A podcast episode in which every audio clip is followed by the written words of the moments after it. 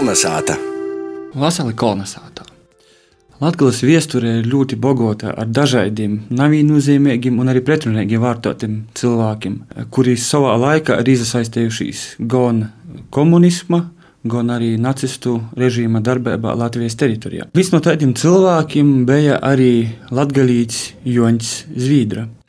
Viņš dzimis 1895. gadā Nelielā Sāģā, tepat Natvaļi no Riezeknis, Šķierbinīkos, augs diezgan nabadzīgā zemnieka Staņislava ģimenī. Sākumā izvuicējās vietējā Ilgulavas tūlaik, vēlāk Makašānu skolā, Pogosta, tad sekoja mocības Riezeknis pilsētas skolā, tad jau pēc arī jo motis iniciatīvas viņš devās uz Pēterburgu, tāpat kā daudzi 20.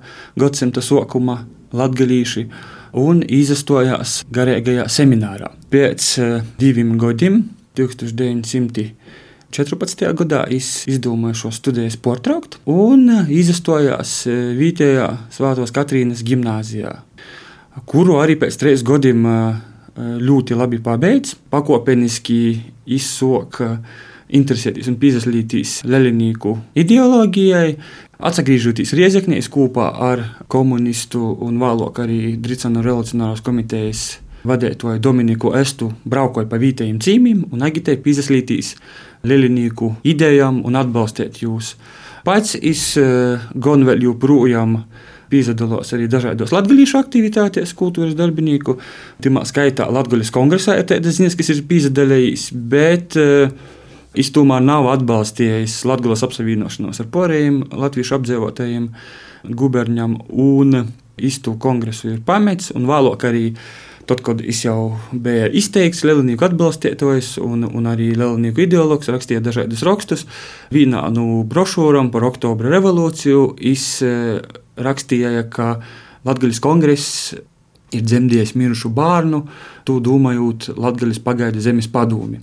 17. gada vasarā, jūlijā tika dibināta Latvijas jauniešu jaunības savienība, kurā vēlāk arī izdeva periodisku izdevumu konkursu, kurā strādāja arī Jonas Zvīdrs.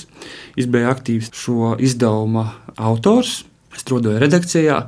Tikai viens numurs izgoja Riezeknī, porēji četri tad izgoja Pēterburgā un tad beidza iznākt 18. gada sākumā arī ir viens no 17. gada oktobra revolūcijas atbalstītājiem.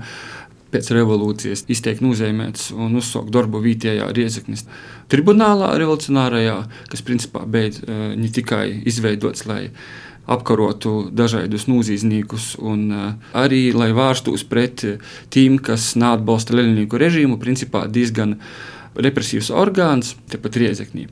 Nu, te politisko situācija arī mainījās, un, un 18. gada februārī Latvija nonāk jau Kiezeriskos Vācijas okupācijas varā, bet tas nekādā ziņā nemainīja Joņa Zvīdra attieksmi, viņš joprojām palika uzticīgs Leļinīku ideoloģijai, viņš turpināja strādāt arī daudzos preses izdevumos, rakstīja rakstus. Pēc sarkanās armijas atgriešanās Latvijas teritorijā arī Jonas Zviedris aktīvāk sāk darboties tepat uz Vītas riezeknī, iesaistos arī vietējā komunistu izdevumā Taisnība, strādāja redakcijā 20. gada sākumā Latvijā, pat kā porējā Latvijas teritorijā.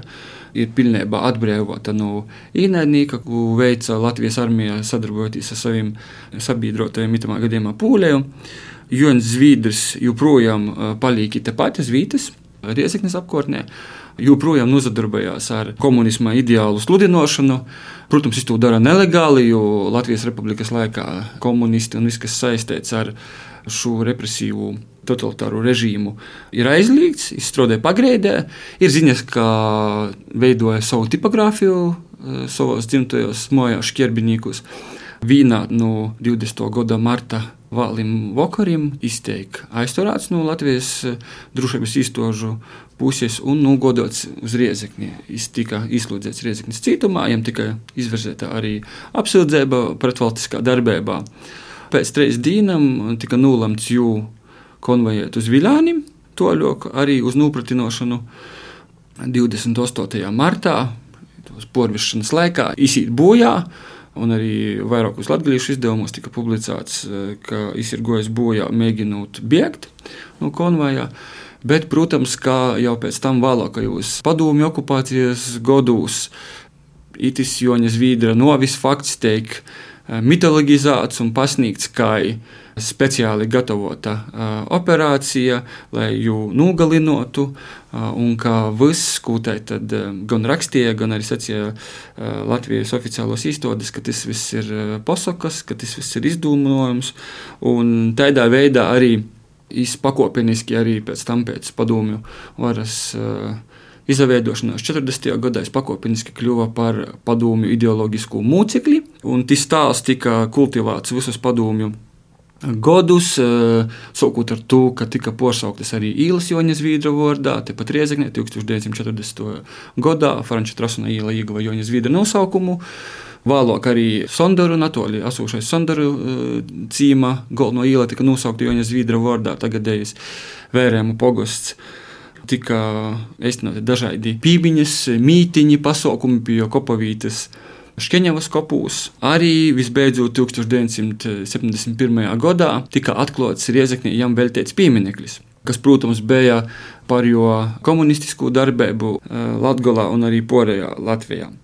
Šogad, 2020. gadā, tas piemineklis tika arī atjaunots, kas eh, zināmā mērā raisīja arī baicojumus, dēļ kam tas ir noticis.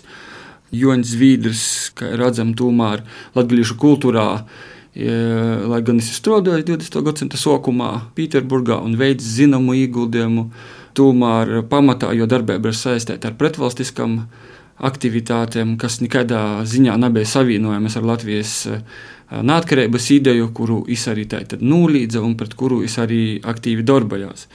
Līdz ar to turpmākajos pieminiektu atjaunošanas darbos vajadzētu sīkāk uzzinot un detalizētāk, kas ir bijusi konkrēto persona, lai nazarastos situācijās, kad mēs atjaunojam pieminekļus cilvēkiem, kas principā ir izastojušies gan pret uh, Latvijas neatkarību, gan arī pret uh, Latgulas integritāti Latvijas republikā.